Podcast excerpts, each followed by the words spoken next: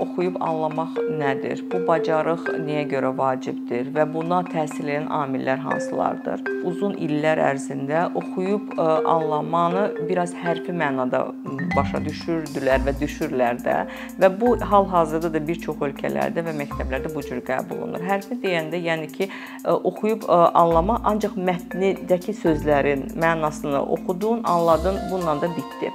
Məsələ bundadır ki, oxuyub anlama daha ə, mürəkkəb bir bacarıqdır.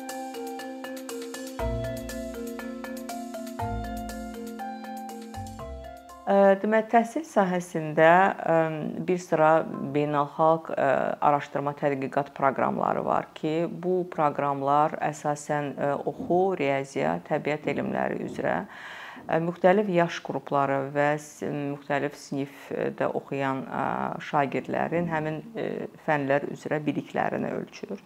Və bu ölçmə boşluq nəzərə çatdırır ki, bu boşluq da təhsil sahəsində olan həm maraqlı tərəflər, həm ekspertlər, həm dövlət qurumları üçün bu sahədə dövlət siyasəti, təhsil siyasəti və yaxud qanunvericiliyin hazırlanması üçün bir zəmin yaradır. Bu tədqiqatlardan biri də PIRLS, yəni oxu nailiyyətlərinin qiymətləndirilməsi üzrə beynəlxalq tədqiqat proqramıdır ki, bu proqram əsasən 4-cü sinif şagirdləri arasında keçirilir, 5 ildən bir baş verir və bu proqramın əsas məqsədi, əsas iki məqsədi var. Birinci savadlılıq, yəni oxunu, oxu, oxumanı ölçmək, digəri isə mətni əldə etmək, yəni mətndən informasiyanı götürmək, məlumatı götürmək və həmin məlumatı refleksiya etmək, yəni ona öz münasibətini bildirmək bacarığını ölçür. Bir sıra ölkələr kimi Azərbaycan da bu proqramda iştirak edir. Artıq 2006-cı ildən başlayaraq sonuncu dəfə 2016-cı ildə baş tutubdu bu proqramda iştirak etmək və biraz təəssüflə deyək ki, Azərbaycan məktəbliləri oxu nailiyyətləri orta baldan aşağıdır. Bunu ümumiyyətlə hələ araşdırmazdan öncə istəyərdim biraz oxuyub anlamaq bacarığı nədir? Niyə bu vacibdir? Niyə buna təsir edən faktorlar hansıdır? Bu haqqda bir müzakirə eləyək. Ümumiyyətlə gəlin baxaq oxuyub anlamaq nədir? Bu bacarıq niyə görə vacibdir və buna təsir edən amillər hansılardır? İlk öncə uzun illər ərzində oxuyub anlamanı biraz hərfi mənada başa düşürlər, düşürdülər və düşürlər də və bu hal-hazırda da bir çox ölkələrdə və məktəblərdə bu cür qəbul olunur. Hərfi deyəndə, yəni ki, oxuyub anlama ancaq mətnidəki sözlərin mənasını oxudun, anladın, bununla da bitdi. Məsələ bundadır ki, oxuyub anlama daha ə, mürəkkəb bir bacarıqdır. Yəni burada bu prosesdə ə, koqnitiv və metakognitiv bacarıqlar inkişaf edir. Koqnitiv deyəndə, yəni uşaqlar burada həm sözlərin mənasını bilməlidirlər, qrammatik qaydaları bilməlidirlər, sintaksis qaydalarını bilməlidirlər. Metakognitiv isə həmin mətndən qəbul etdikləri məlumata daha çox ə, analitik baxımdan yanaşmalıdırlar. Yəni o məlumatı tənqidi yanaşmalıdırlar. O məlumatı analiz etməlidirlər, təhlil etməlidirlər və yaxud həmin məlumatı öz əvvəlki təcrübələrindən əlaqələndirməlidirlər və bir növ müqayisə etməlidirlər. Ona görə də bu oxuyub anlama təkcə oxu dərsi üçün deyil, bu bütün digər dərslər üçün də vacibdir. Məsələn, götürək riyaziyyat fənnini. Riyaziyyatda hər hansı bir məsələni uşaq oxuyur və orada demək olar ki, bütün sözləri, mənanı başa düşür. Amma həmin mətni, həmin məsələni o məsələyə problem baxımından yanaşmırsa, onu təhlil eləmirsə, o barədə analitik olaraq düşünmürsə, o məsələni həll etməkdə çətinlik çəkəcəkdir. Və buna görə də həmin o bu bacarıqların inkişafı, bayaq dediyim o koqnitiv və metakognitiv bacarıqların inkişafı ilə çox bağlıdır və bu daima inkişaf edir. Və bu oxuyub anlama bacarığı təkcə akademik deyil, ümumiyyətlə insanların həyatı üçün çox vacib bir məsələdir. PIRLS tədqiqatına görə uşaqların oxuyub anlama bacarıqlarına bir çox faktorlar təsir eləyir. Bu evdə öyrənmə mühiti, məktəb məktəb mühiti, müəllim və müəllimlərin hazırlığı, uşaqların ümumiyyətlə dərslərə olan münasibəti və o dərsdə iştirak bacarığıdır. Mən istəyərdim valideynlərin rolu haqqında biraz danışım, çünki araşdırmalara görə valideynlər uşaqların ilk müəllimləridir və sözsüz ki, oxumağa başlamaq üçün elə erkən yaşlardan başlamaq lazımdır bu prosesə. Erkən yaş dediyim 0-5 yaş aralığıdır. Və bu yaşda bəzən valideynlər və yaxud digər bundan təhsil adamları deyə bilərlər ki, bu yaşda uşaqlar nə bilirlər və s. amma əslində məhz bu yaşda uşaqlar, yəni özləri müstəqil oxumazdan əvvəl onlarda səslər formalaşmalıdır. Onlar kitablardakı olan sözlərin hərflərdən ibarət olduğunu bilməlidir. Ümumiyyətlə söz ehtiyatı çox olmalıdır ki, bu da gələcəkdə uşaqların oxuya olan münasibətinə birbaşa təsir eləyir. Və Ümumiyyətlə valideynlərdən soruşsaz, onlar deyirlər ki, bəli, biz uşaqlar üçün oxuyuruq. Amma bu bəzən passiv oxumadır. Yəni uşaqlar biraz passiv dinləyici olurlar və bu da həmin bayaq dediyim oxuyub anlama bacarıqlarının inkişafına çox da yaxşı təsir etmir. Və buna görə də mən istəyərdim ki, daha çox bu bacarığı inkişaf elətdirmək üçün bir neçə strategiyalarla bölüşüm valideynlərlə. İlk öncə başlayaq məktəb məktəbə qədər yaş dövrü, yəni 0-5 yaş aralığında. Yaxşı olar ki, valideynlər uşaqlar üçün seçim imkanı yaratsınlar. Yəni onlara 2-3 kitab göstərsinlər və bu kitabdan hansını onlar üçün oxumağını soruşsunlar. Çünki müşahidələr və təcrübələr onu göstərir ki, uşaqlar bəzən öz seçdikləri kitablara daha yaxşı maraqla qulaq asırlar. Bəzən ola biləcək ki, uşaq bir kitabı bir neçə dəfə istəyəcək və bu da valideyn bundan da çəkinməməlidir. Yəqin ki, o kitab o uşaq üçün o qədər müsbət təsir eləyib ki, həmin kitabı yenidən oxumağını istəyir. Digər bir tərəfdən kitablar əlçatan yerlərdə olmalıdır. Biz bəzən şikayətlənir ki, uşaqlar kitabları cırır, uşaqlar kitabları tullayır. Bilirsiniz, uşaqlara əgər biz həmin o kitabla ünsiyyət e, imkanını yaratmasaq, yəni uşaqların kitaba toxunması, kitabı əlinə alması ilkin uşağın kitabla ilkin münasibətidir. Və biz o münasibəti yaratmasaq və onunla davranış qaydalarını öyrətməsək, sözsüz ki, uşaq uşaq həm kitabı tullayacaq, həm kitabı cıracaq və s.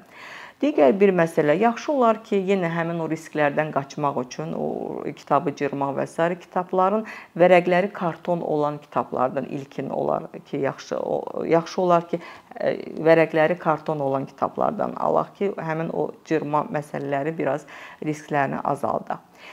Digər bir məsələ, uşaqlara kitab oxuyarkən çalışmaq lazımdır ki, onlara açıq suallar verilsin. Yəni ə, e, məsələn ə, e, səncə tutaq ki, bu ə, e, nə bilim o heyvan niyə belə elədi? Səncə bu ə, qız niyə belə hərəkət elədi?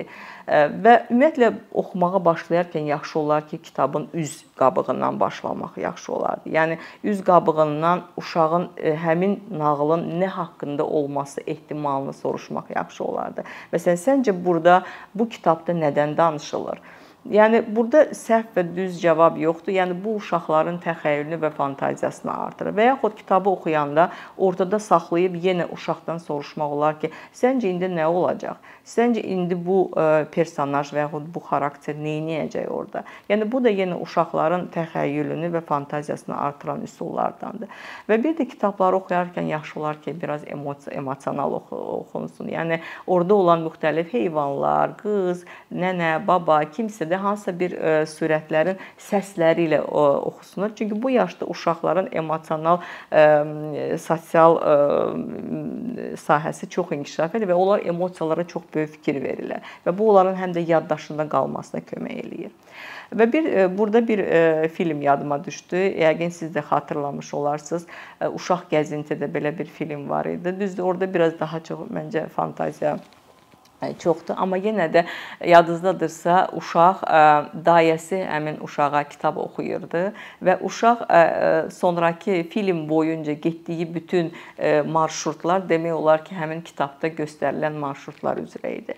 Deməli, burdan belə nəticə çıxarır ki, yəni uşaqlar hər hansı bir yaşda olsa belə, yəni kiçik yaşdan söhbət gedir ki, sözsüz ki, onlar hər bir məlumatı qavrayırlar və onların yadında qalır. Digər bir yaş qrupu artıq ibtidai sinif yaş qrupudur ki, onlar özləri artıq kitab oxumağı bacarırlar və s. amma buna baxmayaraq yenə də tövsiyə olunur ki, valideynlər o uşaqlarla birlikdə bu prosesdə iştirak eləsinlər. Bayaq sadaladığım məlumatlar, strategiyalardan da istifadə etmək olar və digər strategiyaları da sizinlə bölüşmək istəyərdim ki, bu interaktiv ucadan oxu və müzakirədir. Bu oxu vaxtı yaxşı olar ki, uşaqlara yenə də açıq suallar vermək, müxtəlif personajlar haqqında, hadisələr haqqında ki, həmin uşaqların bu mətnə, bu məlumata olan olan e, reaksiyasını, refleksiyasını öyrənmək üçün. Digər bir e, oxu, e, digər bir strateji yazı yazıdır. Burada söhbət oxuduğu mətni yazmasından deyil, məhz ordakı, yəni həmin mətndə ola bilər ki, müqayisə olunan bir məlumatı yazmaq. Tutaq ki, yəni uşağa deyə bilərsiniz ki, bu mətndə nə müqayisə olunur? Həmin o məlumatı yazsın. Və yaxud deyə bilərsiniz ki, orada tarixi hadisələr və yaxud hər hansı bir tarixlər göstərilən məlumatı götürsün. Və yaxud demək olar ki, hər hansı bir personajı götür və onun haqqında özünün fikirlərini yaz. Yəni bu da həmin oxu anlamanın bir strategiyasıdır. Digər bir strategiya birgə oxudur. Birgə oxu deyərkən, yəni belə deyək də, həmin o kitabı ya yanaşı oturub oxumaq olar və yaxud onun bir nüsxəsini, yəni üzünü çıxardıb valideyndə və yaxud uşaqda ola bilər və onunla birlikdə oxumaq. Yəni tutaq ki, baş cümlələri valideyn başlayır, davamını uşaq oxur və yaxud uşaq başlayır davamlı valideyn oxur və yenə eyni e, zamanda burada müxtəlif suallar, yenə açıq suallar vermək olar. Həmin e, hadisə və yaxud personaj haqqında uşağın fikirlərini soruşmaq olar. Və yenə ehtimalları soruşmaq olar ki, məsələn siz sən nə düşünürsən? Burada məsələn bu xarakter, bu personaj düzmü elədi? Niyə düz eləmədi? Yəni bu cür dərinə gedən açıq suallar verməklə həmin uşaqların düşüncə qabiliyyətini artırmaq olar. Və digər bir strategiya isə bələdçi oxudur ki, yəni burada da daha çox alətlərdən istifadə olunur. Məsələn, tutaq ki, oxu vaxtı uşağın əvvəlki təcrübəsindən indiki təcrübəsi arasında bir əlaqə yaratmaq. Tutaq ki, kitab ad günü haqqındadır və orada saxlayıb tutaq ki, uşaqdan keçən dəfə ad gününü necə keçirtdik? Həmin o keçən dəfə ad günü keçirtməklə təcrübəni indiki ad günü arasında bir əlaqə yaratmaq olar. Və yaxud burada yenə də həmin deməli proseslə bağlı müxtəlif suallar, ehtimallar e, etmək olar ki, bu da yenə bələdçi oxunun bir növüdür. Və son olaraq yekunlaşdırsaq deməli müzakirələrimizi belə bir tövsiyə eləyərdim ki, oxuyub anlama bacarığı təkcə uşaqların akademik e, və məktəb nailiyyətləri demək e, təsir edən amillər deyil. Bu həmçinin bütün insanlar üçün həyatda lazım olan bir bacarıqdır və ona görə də valideynlərdən e, xahiş eləyərdim ki, heç olmasa gün ərzində qısa da olsa 15-20 dəqiqə vaxt ayırsınlar, uşaqları ilə birlikdə kitab oxusunlar və bu prosesdə çox fəal iştirak etsinlər. Əkinçinin yeni videoları haqqında məlumatlı olmaq üçün kanalımıza abunə olmağı və xəbərdarlıq funksiyasını aktivləşdirməyi unutmayın. İmkandan istifadə edərək cari patronlarımıza işlərimizi davam etməyə yardım olduqları üçün dərin təşəkkürümüzü bildiririk. Əkinçinin Patreon icmasının üzvü olaraq siz bizim təşəbbüsə dəstək göstərməklə bərabər hazırladığımız materialları hər kəsdən öncə izləmə imkanı əldə edəcəksiniz.